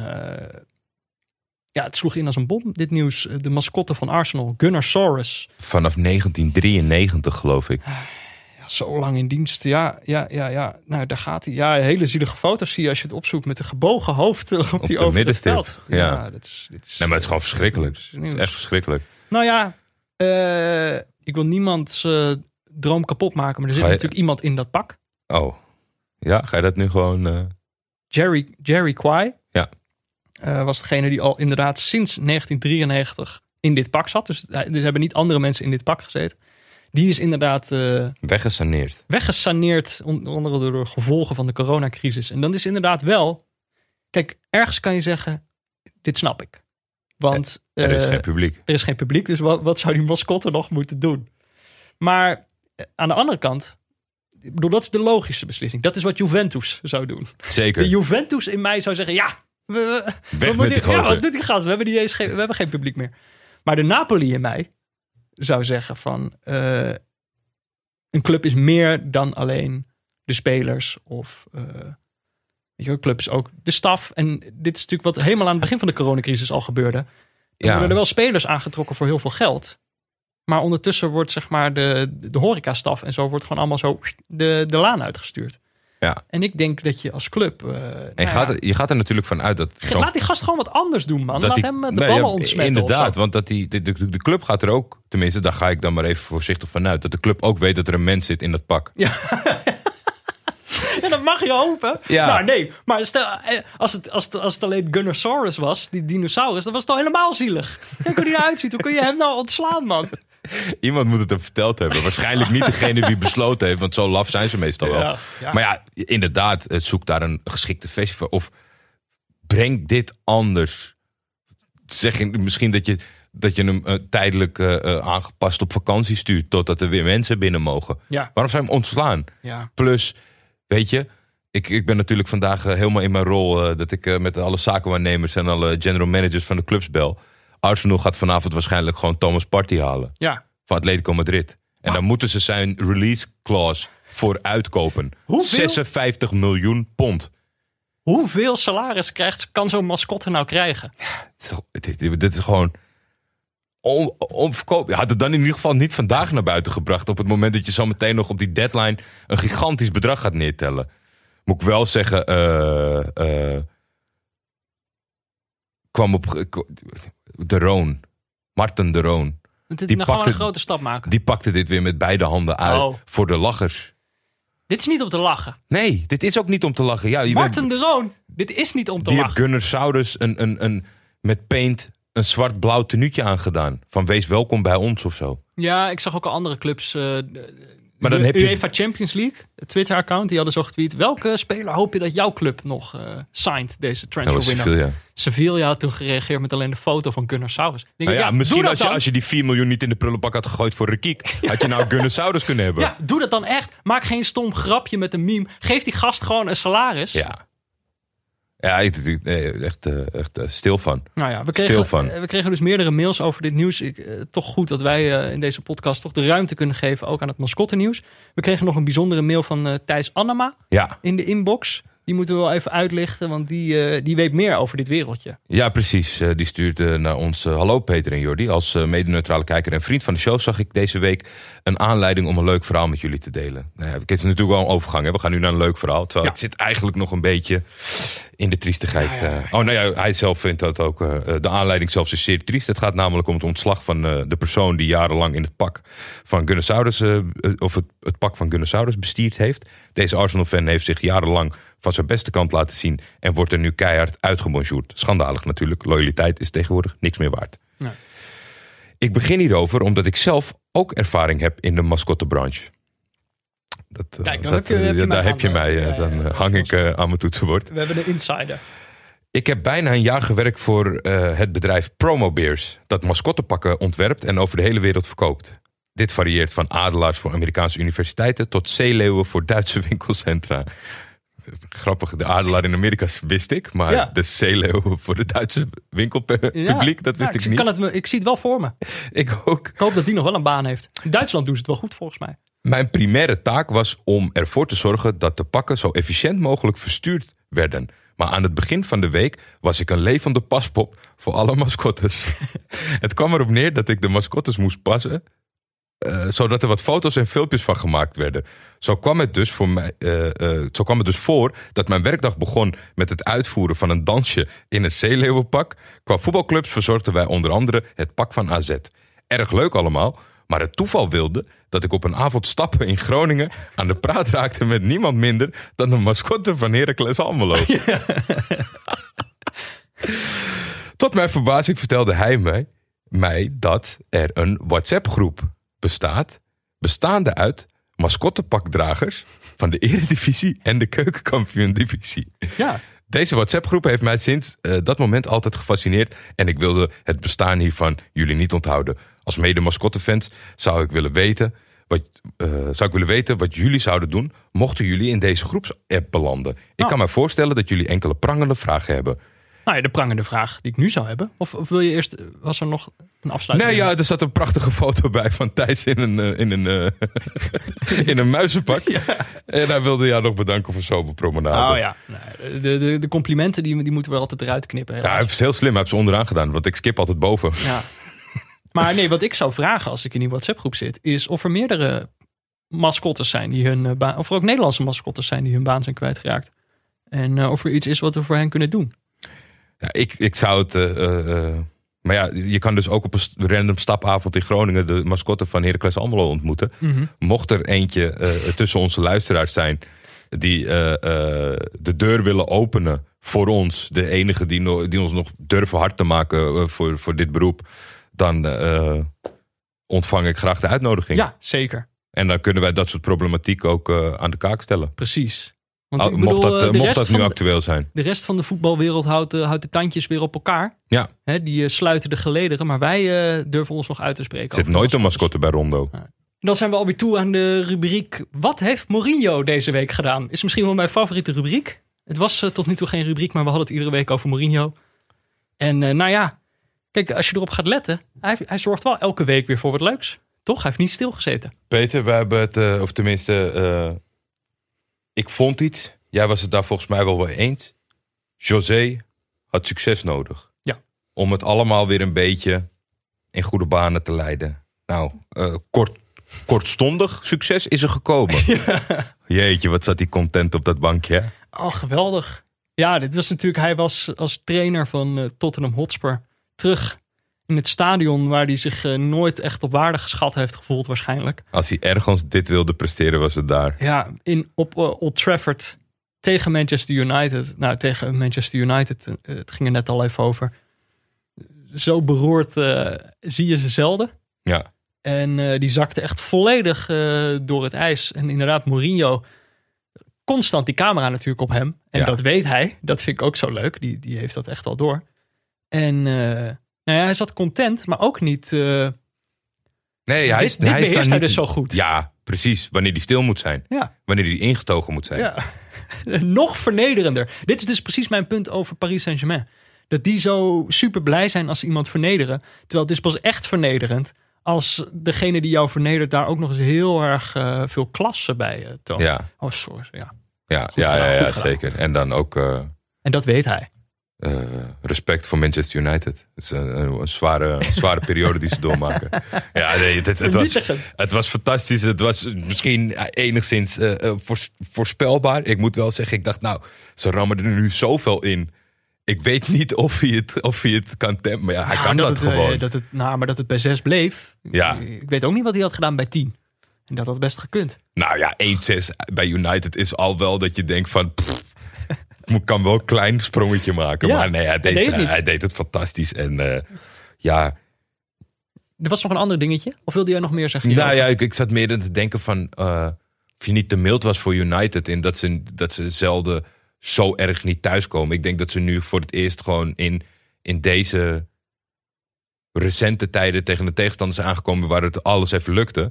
En dan is dit gewoon het level van United. Want we hebben al... Ik heb de defensie al een keer keihard uitgelachen. Ja. Nou ja, dat, ja dat, gisteren dat hoef je niet om te lachen. Dat is eigenlijk gewoon heel sneu. Het wordt erger en erger met de week. Ja. Nou ja, en een ander dingetje wat er nog was bij, met Mourinho. Dat was niet het enige wat hij heeft gedaan deze week. Was namelijk ook nog, hij had het eh, eh, over de, de bondscoach van Engeland gehad. ja. Gareth Southgate.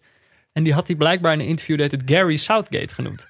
Waardoor eh, de media meteen al schreef van ja, Mourinho doet gewoon alsof hij niet weet hoe, hoe de bondscoach heet. ja, maar volgens mij was Gary ook een beetje gepikeerd daardoor. Hij vond het was beledigend, zeg maar. Ja, dat, vind ik, dat snap ik dan weer niet helemaal waarom dat beledigend zou Ja, zijn. kinderachtig. Nou ja, maar het, het grappige is dan dat hij daar zijn excuses voor aan gaat bieden. Ook weer veel te grootse excuses aanbiedt. Dit wil ik toch even delen met, eh, met het publiek. met het publiek. Ja, sorry, dat is nooit mijn bedoeling geweest. Om, ik dacht dat Gary gewoon een afkorting was van Gareth.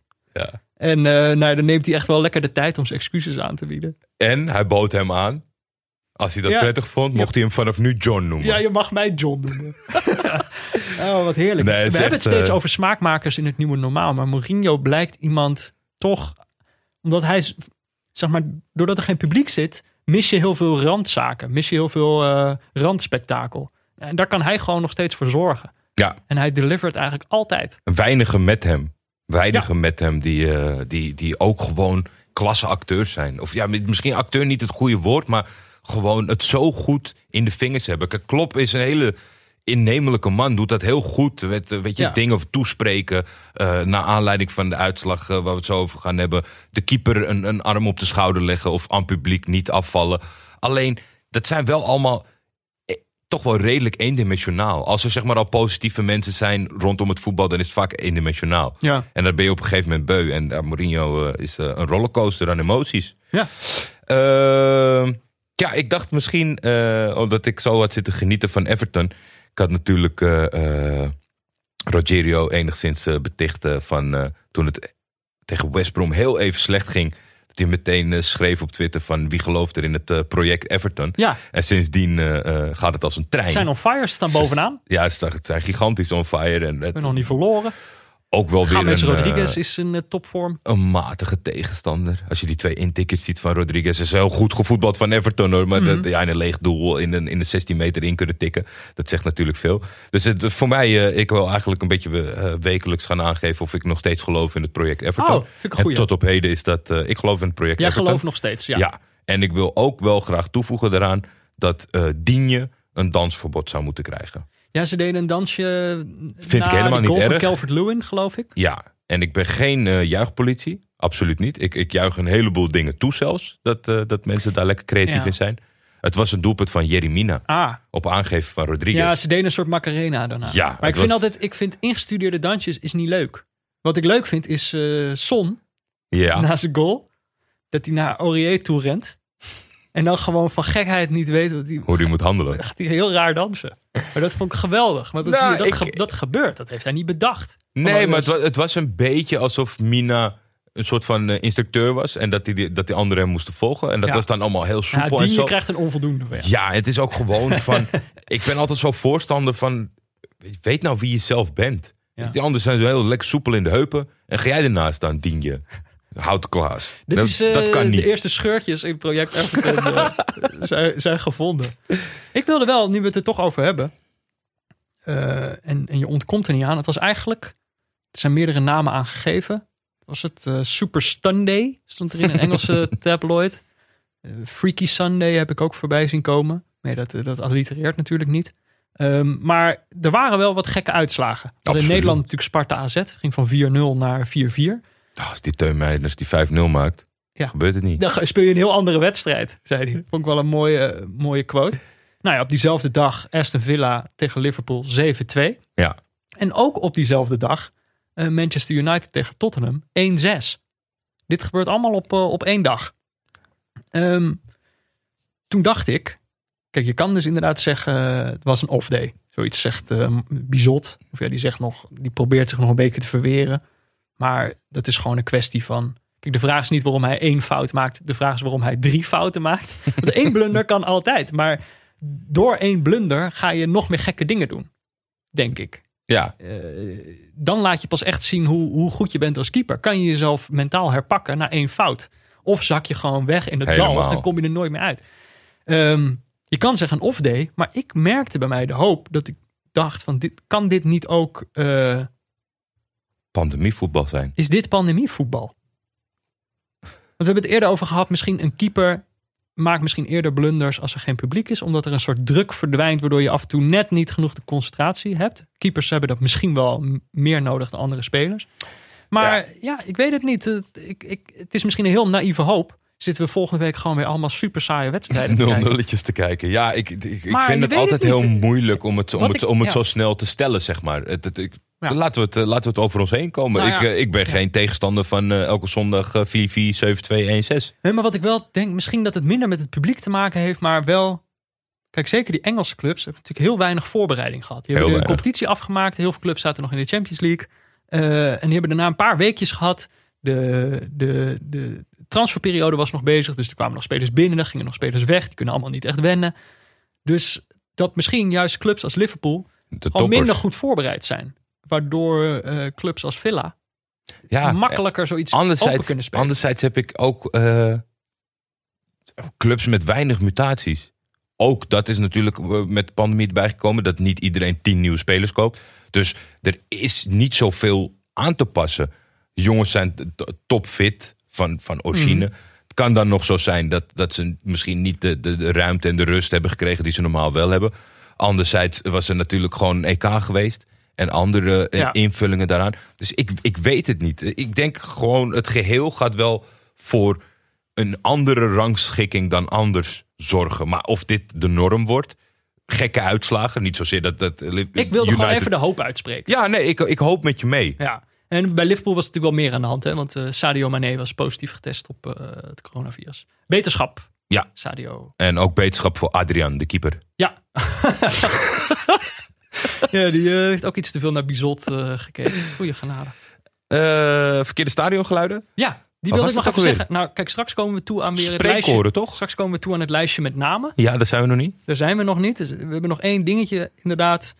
Bij Ajax tegen Groningen. Oh, dat was het, ja. Dit is eigenlijk... Het is gek dat het nu pas gebeurt.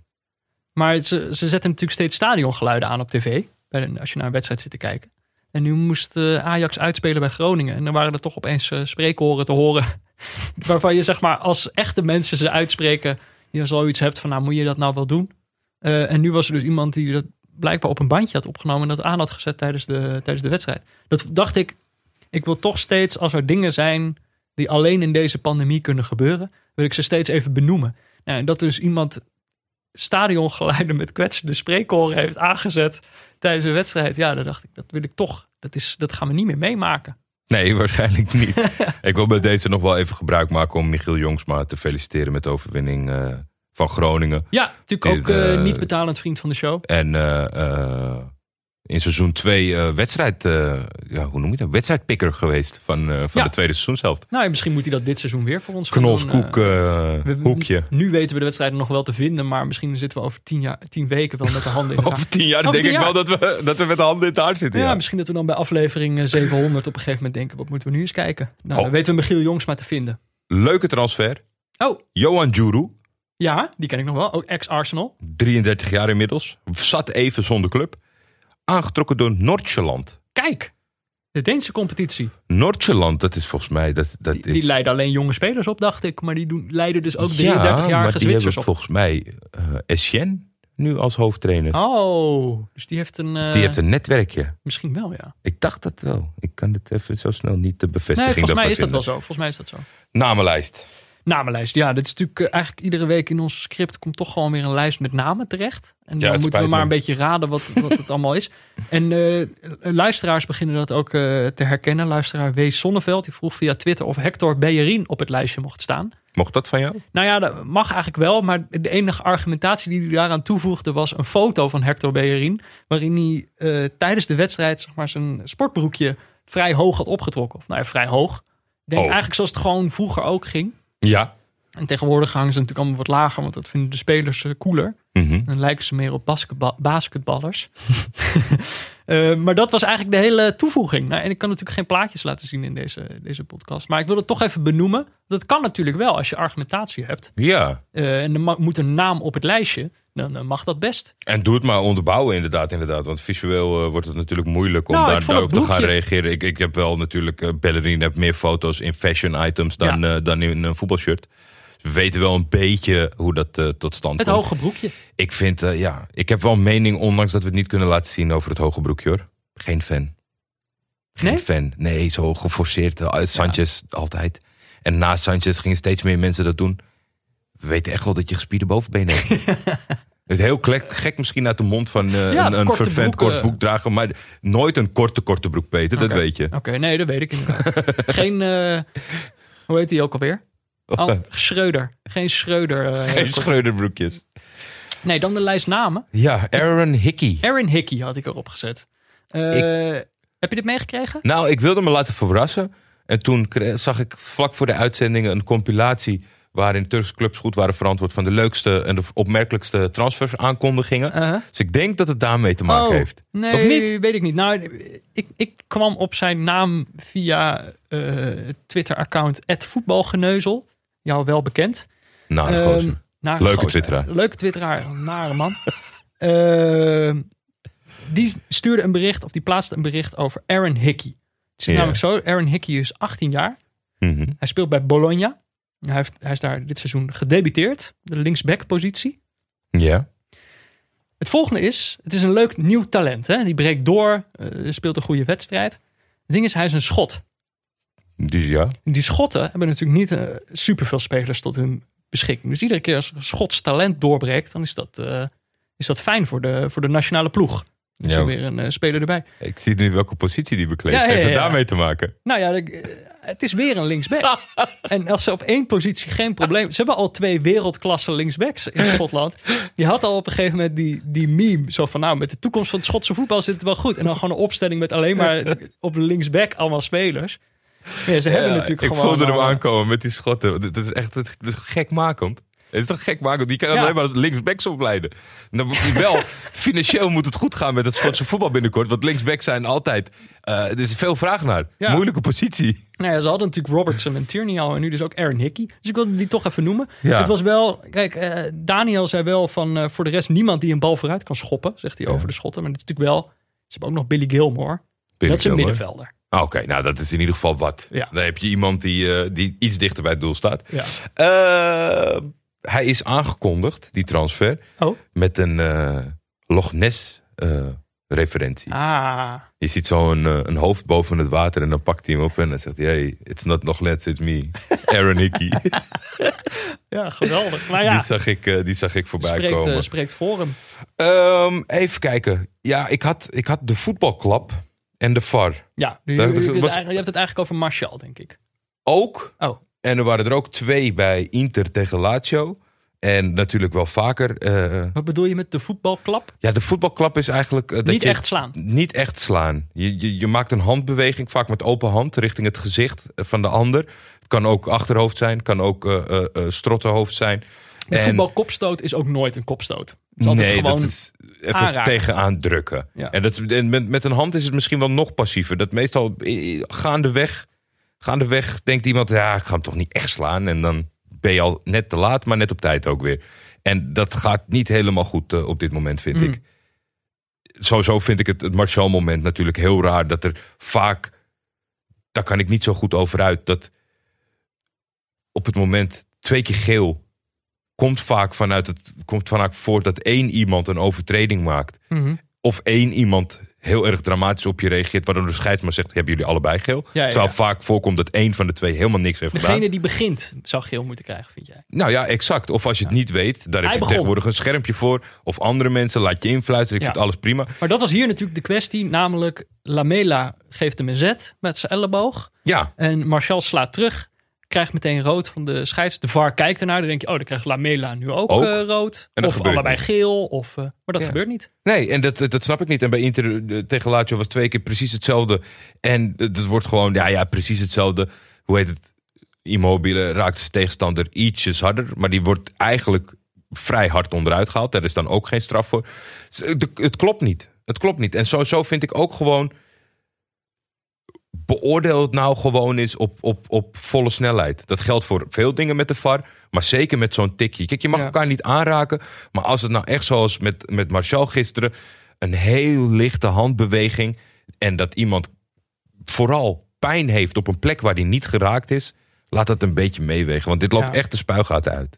Ja, maar ik heb het al eerder gezegd. In Engeland eh, hebben ze gewoon echt heel slechte scheidsrechters. Ja, Eh, in tegenstelling tot bijvoorbeeld in Nederland. Waar het gewoon echt eh, wereldtop is. wereldtop. Het is echt de wereldtop. eh, Ik had ook nog gezegd dat alle topcompetities slecht waren. Ik weet niet of je dat fragmentje bij mij op Twitter hebt gezien van die Spaanse competitie. Nee? Ja, daar bulldozert iemand gewoon een spits omver. Echt gewoon, gewoon zonder context. Loopt zo dwars door hem heen. Ah.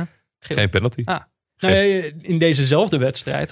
Op een gegeven moment, eh, Lucas van Tottenham breekt door. Eh, is Shaw al lang voorbij. En Shaw, nou, de gast is gewoon niet fit. Die rent hem achterna zo hard als hij kan. Maar die ziet ook wel, dit ga ik nooit halen. En die trapt hem dan gewoon onderuit. Dat is dan geel. Maar zet die twee dingen naast elkaar. Het is toch onbegrijpelijk dat het ene rood is en het andere geel. Ja. Dat, Ja, er is, eh, er is is er echt iets er mis is- met je er regels. is echt iets goed mis met de regels. Ja. En eh Maar dat mogen die Engelsen lekker oplossen, je moet het zelf weten. Zolang het hier wereldtop is. Ja. Hè? Hebben wij er niks mee te maken. Ik had nog een andere naam op het lijst gezet. Toch een beetje ook niet betalend vriend van de show. Wordt hij zo langzamerhand Choupo-Moting. Ja, Was ooit voor mij de reden om van Paris Saint-Germain te houden. Eh, des te meer omdat hij weigerde daar een nieuw contract te tekenen. Toen was de verwachting al, hij zal ergens anders wel meer geld kunnen verdienen. Maar die gast gaat waarschijnlijk gewoon naar eh, Bayern München. Ja, het is toch, is ongelooflijk? Het is echt ongelooflijk. Twee, twee, drie jaar geleden zat hij bij Stoke en scoorde die gewoon bijna niet. En degradeerde die. Ja, en En sindsdien is het van Paris naar Bayern. het is geweldig. Sommige carrières die, die mislukken dan en dan kan je niet goed uitleggen waarom. Hey, maar ik En weet, sommige carrières die slagen zonder dat je echt... Nou ja, hij heeft natuurlijk wel in de halve finale Champions League gescoord. Ja, volgens mij heeft hij twaalf potjes gespeeld in die twee jaar bij Paris Saint-Germain. Ja, misschien dat, dat, ja, En dan kan Zirkzee, Nederlandse jeugdspeler bij Bayern München, die kan dan weer op zoek naar... Die gaat misschien nog wel een transfer maken nu. misschien wel. Ik weet niet of zijn eh, zaakwaarnemer jou al gebeld heeft, maar... Even kijken. Cirkzee is nog niet door. Maar Matteo Guendouzi wordt verhuurd naar Hertha. zo. De toch een middenvelder van eh, Arsenal. Dat hoorde je hier dan toch even live in de, in de podcast. Eh, even kijken.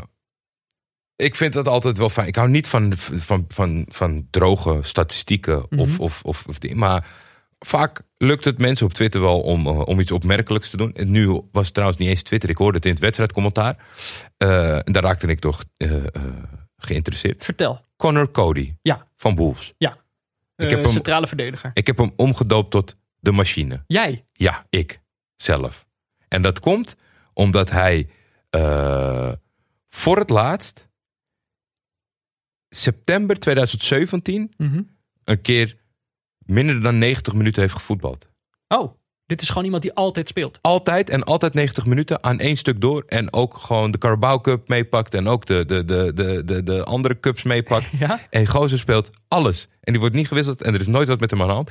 En dan was het nog, omdat hij rood had gepakt, dat hij toen van het veld moest na is 15 minuten. 27 september 2017 staat hier. Ja, dat was Dat dat. is de laatste keer dat hij een wedstrijd niet 90 minuten volmaakt. Maar het is 31 januari 2017 dat hij voor het laatst echt is gewisseld na 85 minuten.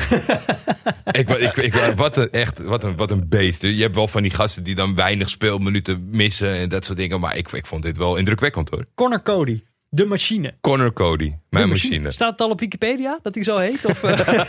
Laten we dat niet weer beginnen. nee, nee, nee. We willen niet weer ruzie met... eh, jullie mogen, onze vrienden van de show, mogen rustig ruzie maken met de Wikipedianen. Ik zag Wij gisteren, hebben hier niks meer mee te maken. ik zag trouwens gisteren bij eh Wietse van de Vond ik wel, dat, dat valt dan even net goed samen. eh, tot, of eh, United is al heel lang geïnteresseerd in die linksback van Porto, Telles. Ja. En die zou gisteren komen. Mhm. Maar na de wedstrijd was er vliegtuigproblemen. en is, dit, is dat vliegtuig rechtsomkeer gemaakt? Dus Ja, dat was ook de tijdens de grap schreef zichzelf, zeg maar. Ja. Tijdens die wedstrijd ging het ook al.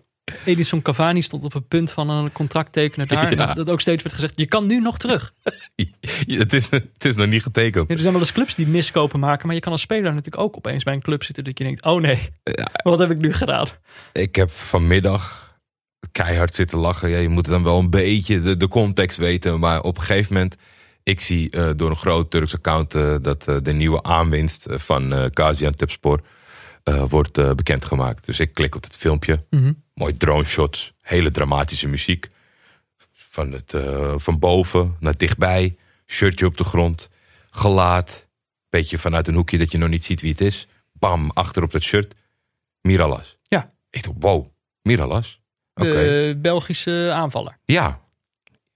Beetje Pre- ouder geworden. Ja, ik ben altijd wel, eh, altijd wel gecharmeerd van hem. Maar ik denk als hij nog gewoon, eh, als alle lichaamsdelen het nog doen, perfecte aankoop eh, voor Antep. Ja. Draait het shot zich om, staat hij in zijn hand met een, ja, ik weet niet eens het Nederlandse woord, maar een schaal baklava. waar de- jullie kennen vast de Turkse lekkernij. En dat, dat van Oshine, die vindt zich natuurlijk in Antep, dus vandaar Ah. dat kom. En daar stond Happy Birthday Kevin in baklavaatjes op. Ah, dat, ik dacht, De plaatselijke bakker heeft iets bijgedragen aan de transferfilmpje. ik vond het fantastisch en zo knullig tegelijk. Want ik denk, ja, kijk, als het.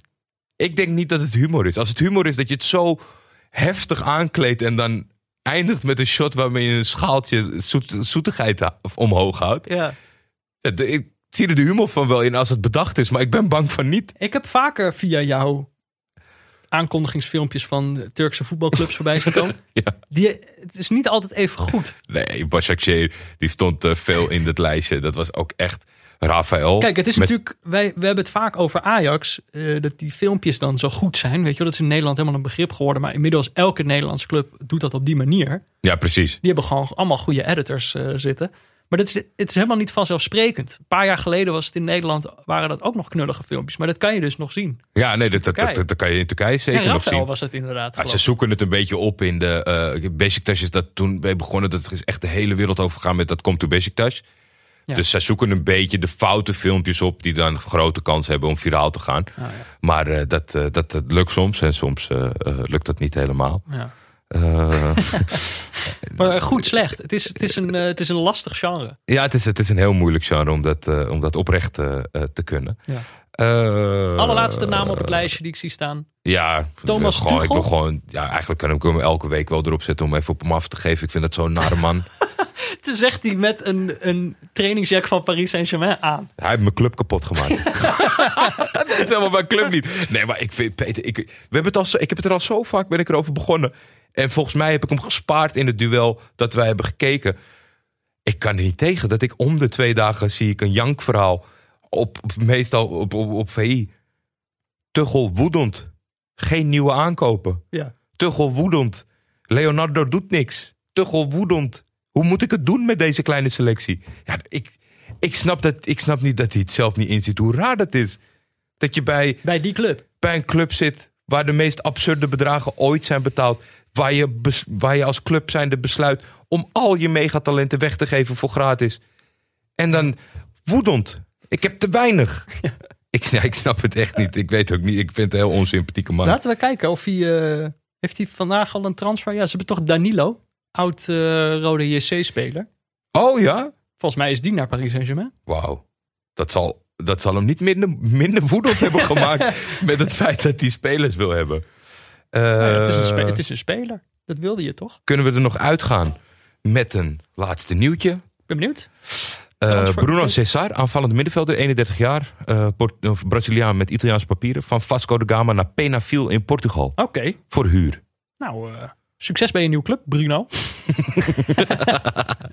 ja, toch? Napoli. Bakayoko.